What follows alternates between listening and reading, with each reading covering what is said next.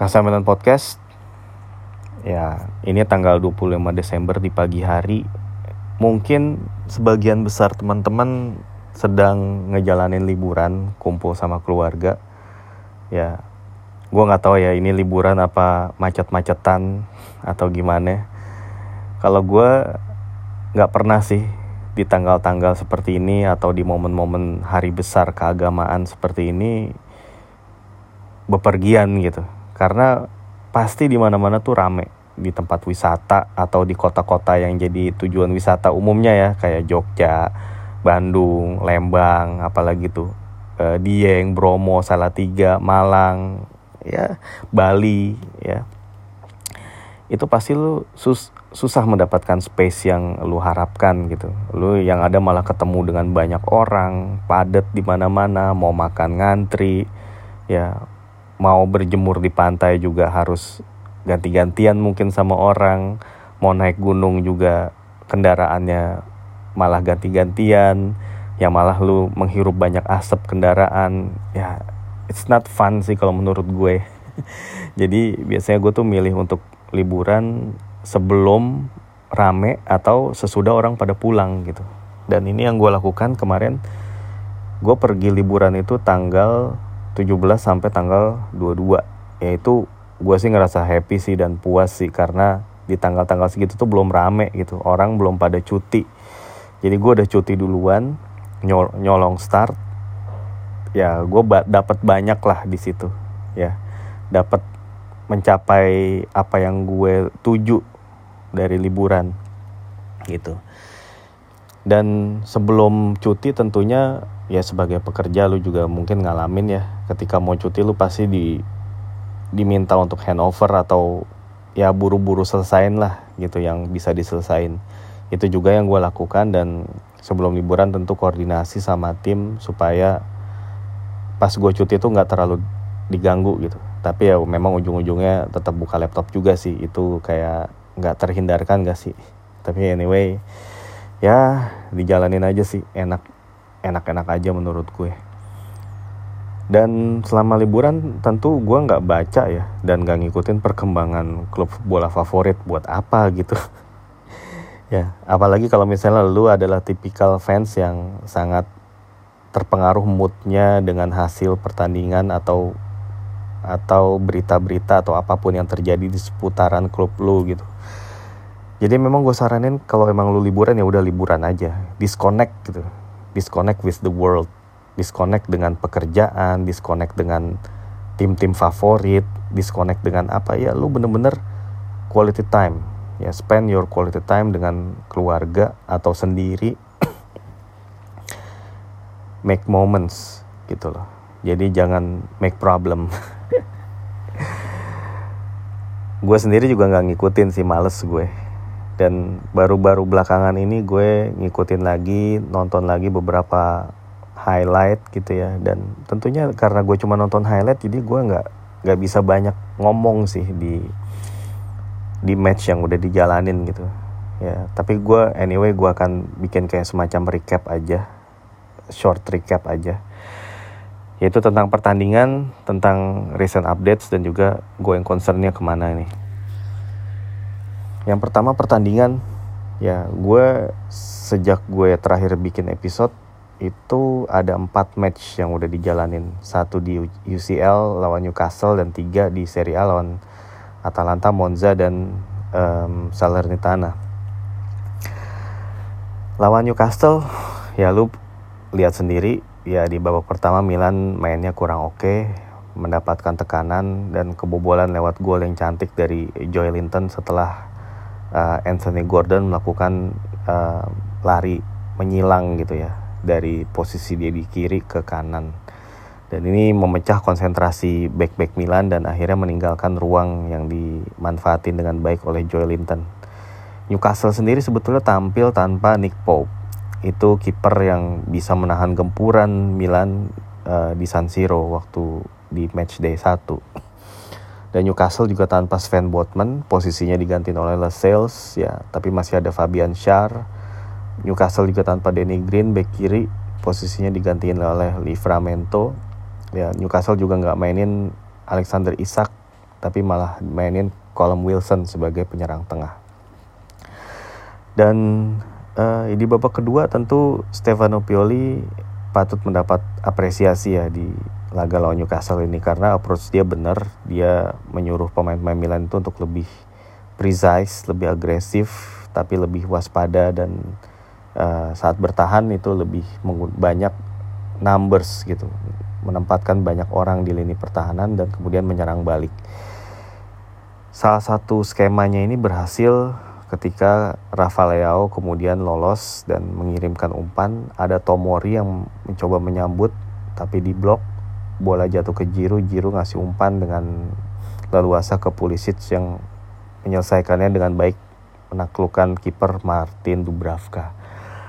Lalu kemudian setelah kedudukannya imbang nih pertandingan lebih terbuka ya dan Newcastle karena mereka kalau menang juga mereka bisa lolos gitu. Nah ini meninggalkan banyak sekali ruang yang akhirnya Pioli mainin Okafor, Jovic dan Chukwueze dan akhirnya Chukwueze berhasil nyetak gol uh, keduanya di UCL musim ini dengan placing kaki kiri di yang jauh itu khas inverted winger kidal banget dan akhirnya membawa kemenangan buat Milan. Cuman ya sayangnya ini nggak cukup karena Milan butuh Dortmund ngalahin PSG yang mana itu tidak terjadi ya. Mereka hanya main imbang, main aman. Akhirnya seri skornya dan Milan cuman harus puas dengan uh, Europa League gitu karena menduduki peringkat tiga grup neraka. Yang ngomong-ngomong soal grup neraka ya ini emang sudah diduga ini grup yang paling tough gitu ya dibandingin grupnya MU yang ketemu uh, Copenhagen, Galatasaray ya dan Bayern Munchen sebagai lawan yang terkuat gitu. Grupnya Milan jauh lebih uh, sulit gitu ya. Ketemu tim-tim yang emang ya PSG punya ambisi gede, Dortmund punya permainan yang bagus, Newcastle juga tim kaya baru gitu. Ini challenge-nya sangat berat emang buat Milan.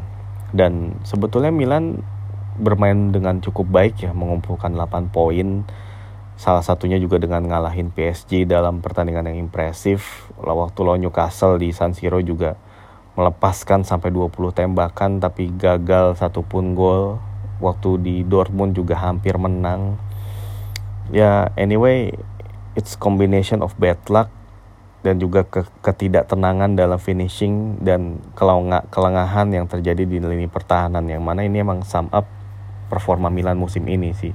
Dan juga oh ya, players injury gitu.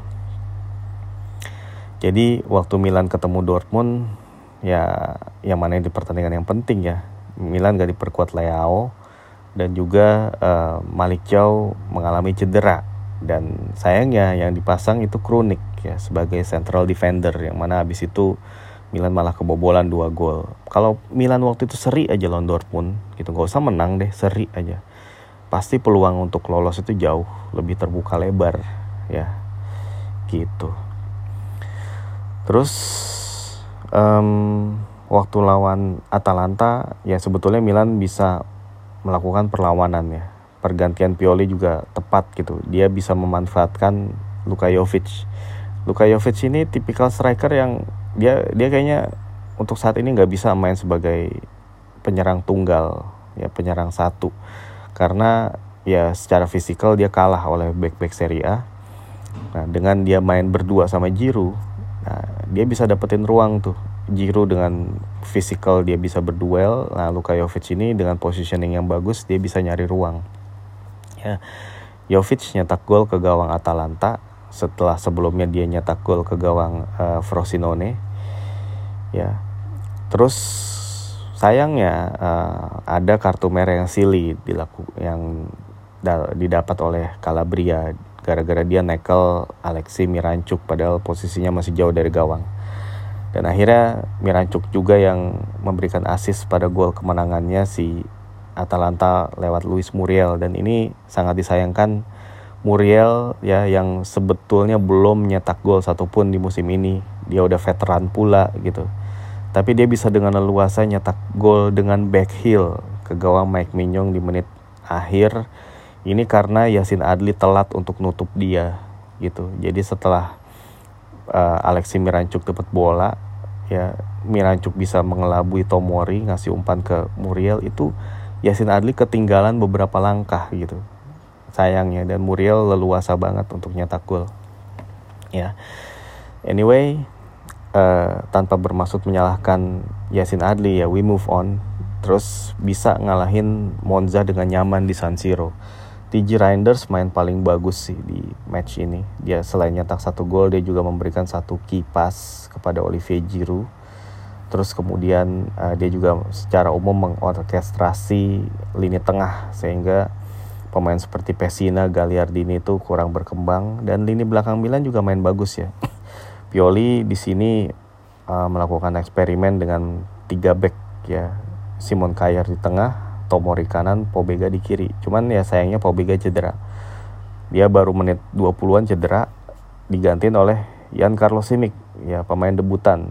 Jadi selain men memberikan menit bermain pada Francesco Camarda, Pioli juga memberikan menit bermain kepada uh, Simic. Sebelumnya juga Bartesaghi dikasih debut. Jadi sebetulnya catatan yang cukup baik buat tim Primavera Milan. Dan Simic itu langsung memberikan impact yang bagus ya. Dia selain dia tuh nggak kagok mainnya nggak grogian dia bahkan nyetak gol setelah dapetin umpan silang dari Leao.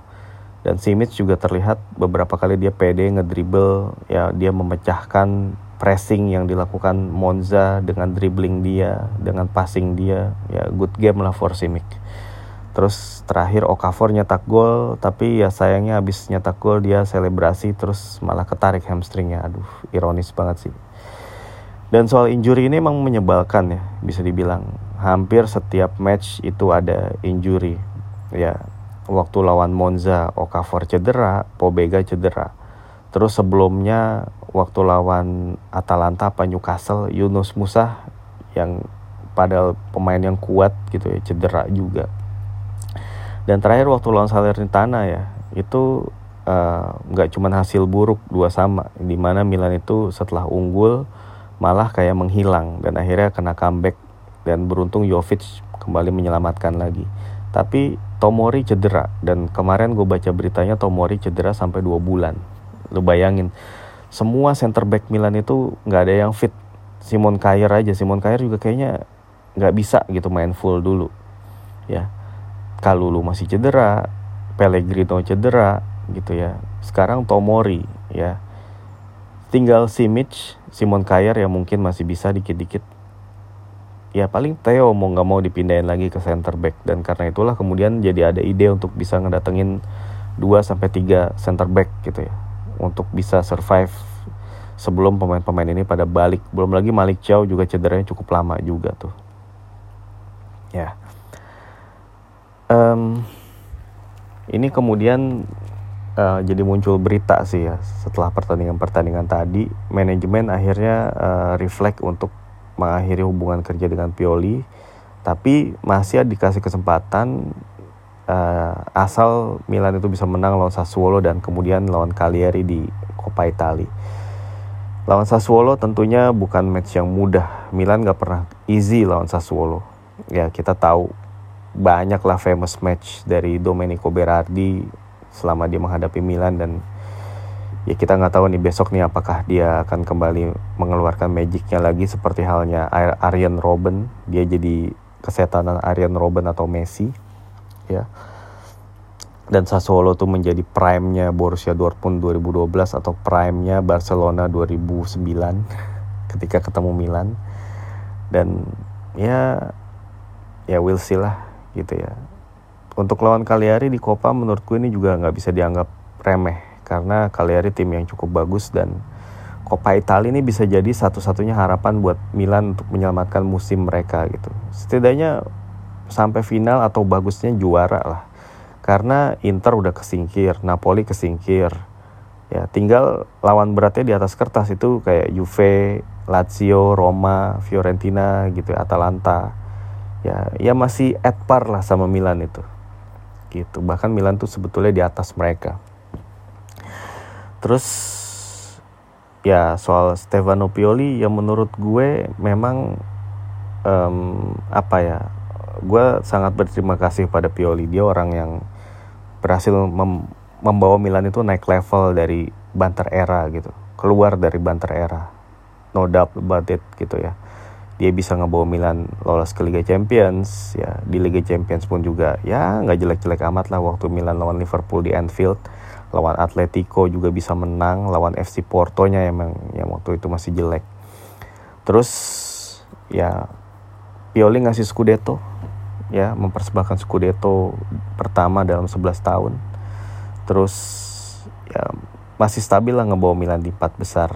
Cuman memang kinerjanya menurun ada beberapa hal yang menurut gue ya soal Pioli ini ya. Yang pertama bisa jadi dia udah mentok memang jadi idenya udah mentok kemampuannya udah nggak bisa dipaksain lagi gitu. Emang ini levelnya dia segini gitu. Jadi memang kalau Milan ingin menaikkan level ya harus cari pelatih yang kemampuannya di atas dia. Ya ini seperti misalnya lu kerja di perusahaan nih kan bos lu tiap enam bulan atau tiap setahun akan uh, assess performance lu. Akan assess apakah ini orang punya potensi atau enggak ini orang masih bisa di develop apa enggak gitu. Nah kasusnya Pioli ini mungkin dia udah berusaha tapi emang dia nggak bisa udah nggak bisa di develop lagi. Itu kemungkinan pertama. Kemungkinan yang kedua adalah ya dia udah nggak lagi menemukan motivasi yang sama. Karena lo lihat Pioli pada saat Milan Scudetto. Dia bikin tato Milan Scudetto ke 19 gitu. Angka 19 kenapa ya? Menurut gue ya oke okay, itu itu bagus gitu. Pioli sangat menghayati keberhasilannya ini gitu. Gue nggak meragukan lagi dedikasinya buat Milan. Cuman itu kayak di lain sisi kayak melambangkan oh gue udah puas nih dengan pencapaian ini ya nggak sih ya bisa jadi gue salah sih tapi gue juga kayak ngelihat sikap Pioli itu jadi kayak udah happy aja kayak udah puas gitu dengan ya udahlah manajemen juga cuma ngasih target empat besar gitu ya ya udah gue yang gue begini aja gitu ya terus uh, Pioli juga yang jadi masalah adalah stubborn. Dia tuh keras kepala. Sebuah taktik udah gagal dia masih gunain. Ya anyway ini gue juga nggak bisa ngejudge terlalu dalam karena ya pasti dia yang lebih tahu dia lebih pintar dari gue. Ya, ya itu sih masalahnya gitu. Dan akhirnya setelah uh, dikejar nih mulai dikejar perolehan poinnya ini manajemen baru mulai gerak gitu untuk mencari pengganti dan memberi ultimatum gitu. Oke, kemudian next ya siapa yang cocok sebagai pengganti? Ya menurut gua nah ini di pertengahan musim ini cuma ada nama Graham Potter, Frank Lampard, uh, Hansi Flick, Antonio Conte to name a few ya. Um, yang mana gini kalau lu milih pelatih seperti Potter ataupun Lampard ya jelas sulit mereka nggak ngerti Serie A mereka belum pernah ngelatih Serie A begitu juga Hansi Flick terlepas dari prestasinya di Bayern Munchen mungkin orang seperti Ralph Hasenhuttl itu lebih oke okay kalau untuk short term lah dia udah pernah megang Southampton dia juga pernah megang Salzburg ya dengan cara pengelolaan dan cara main yang seperti Milan, gua rasa Hasan Hatel bisa langsung cepat sih. Ya meskipun ya dia orang Austria ya yang belum kenal juga gitu culture Serie A. Tapi kalau lu pengen pelatih Itali banget yang emang punya prinsip, punya standar, punya metode yang khas yaitu Conte. Cuman Conte ya itu belum tentu mau Conte itu megang tim yang bukan pilihan dia dan ini udah berjalan setengah musim dan Conte pasti demand luar biasa. Ya dia selain demand gaji tinggi, dia juga akan demand pemain-pemain yang sesuai dengan kriteria dia dan itu mahal biasanya. Ngerombak tim untuk bisa menjadi seperti keinginan Conte itu mahal sekali. Dan Inter contohnya, eh memang memang Inter meraih Scudetto ada hasilnya. Dan memang Conte udah meninggalkan legacy yang sangat kuat gitu dalam karakter permainan Inter Cuman memang uh, dari sisi finansial ya setelah Inter membeli banyak sekali pemain yang diinginkan Conte, ya akhirnya kondisi finansialnya jadi nggak bagus. gitu sekarang ini gitu ya ya itu dua sisi mata uang dan ini kayaknya seems unfavorable buat owner-owner Amerika ini gitu. Conte yang boros, Conte yang suka ngambek gitu yang kalau permintaan yang nggak dipenuhi dia bisa kabur gitu ya, bisa pengen resign. Ini jadi tantangan dan dilema juga. Tapi pasti kalau Conte datang emang kekuatan tim ya apa ya uh, pasti level tim itu naik gitu nggak diragukan lagi bagaimana polesannya Conte ya yang waktu di Euro 2016 saya dengan pemain seperti uh, Giaccherini, Graziano Pele ya itu bisa ngebawa Itali sampai ke perempat final dan kalah adu penalti dari Jerman dan bisa ngalahin Spanyol, bisa ngalahin Belgia gitu. gitu lah. Ya, at his best Conte itu wah, one of the best juga dan gua sama sekali nggak nolak dengan kehadiran Conte. Cuman ya itu tadi apakah manajemen bisa fit in dengan orang seperti Conte? Gitu. Ini that's uh, the real question di sini. Kalaupun misalnya Conte baru bisa datang akhir musim nanti ya ya jadi siapa yang jadi interim? Gua gua agak-agak nggak setuju juga dengan lu dalam tanda kutip mengorbankan Abate Abate itu punya potensi gede gitu. Ada punya potensi gede. Lu jangan menjadikan Abate itu the next Pippo Inzaghi atau Gennaro Gattuso gitu. Yang bagus di Primavera terus dipromosiin terlalu cepat ke tim utama dan akhirnya nggak perform dan dipecat gitu. Ya Abate masih punya ceiling yang lebih tinggi lagi lah untuk bisa uh, dia makin berkembang di Primavera baru ntar saatnya kayak dua musim tiga musim lagi barulah kasih kesempatan Abate di tim utama gitu. Ya. Dan manajemen juga bisa punya pilihan sih. Apakah ya tetap pakai Pioli sampai akhir musim tapi kalau uh, keadaan masih makin memburuk tentunya manajemen akan ambil uh, langkah gitu Oh ya ada satu nama juga yang sebetulnya familiar dengan Serie A yaitu Igor Tudor. Dia dilepas Marcel. Ya dia tahu Serie A dia pernah megang Verona pernah megang Udinese kalau gue nggak salah. Dan Tudor itu menurut gue punya permainan yang cukup menarik ya sepak bola yang cukup menarik. Verona waktu itu bagus dipegang dia. Itu. Ya cuman ya gue nggak tahu ya apakah Tudor bisa uh, ya deliver gitu sesuai dengan ekspektasinya Milan dan bisa memberikan instant impact yang mana gue agak ragu juga di situ. Ya. Atau pilihan lain ya siapa lagi ya? Hmm ya itulah.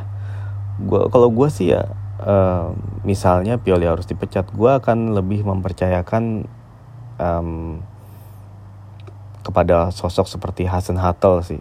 Gue lebih ke Ralph Hasan Hatel lihat sampai di akhir musim. Kalau cuman ngebawa keempat besar dan gak ada perkembangan signifikan menurut gue ya saatnya Milan beralih ke pelatih yang lebih top gitu. Entah itu mau jalan dengan Conte atau De Zerbi ya. Atau yang selama ini di uh, di didengungkan media ya seperti Francesco Varioli Varioli ya di Nice. Dan juga si Vincenzo Italiano ataupun Thiago Motta gitu. Atau mungkin Paladino ya macam-macam lah sebetulnya. Ya ini mungkin bisa membutuhkan pembahasan yang lebih panjang tapi ya kurang lebih seperti inilah skenario nya dan untuk nutup episode ini ya ya mungkin gue apa ya mengajak teman-teman terutama yang masih survive di tahun 2023 ya selamat buat teman-teman. Karena 2023 itu tahun yang berat banget pastinya dengan musim kemarau yang sangat panjang dengan ancaman penyakit-penyakit yang baru datang ya ekonomi juga yang belum pulih-pulih banget. Ini pasti berat gitu ya. Dan 2024 makin berat lagi sih.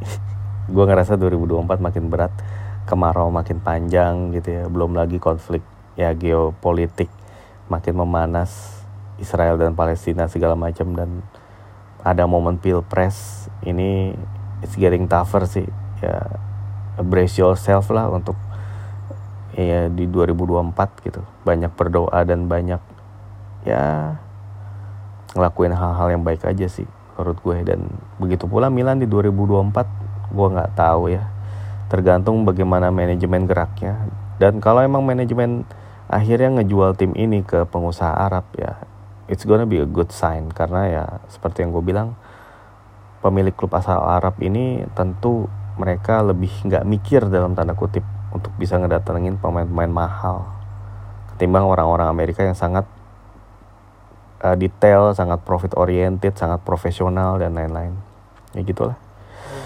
Anyway, oke, okay, gua rasa sampai di sini aja dulu di episode sekarang. Sorry kalau ada salah-salah kata dan makasih udah dengerin. Sampai jumpa lagi. Bye.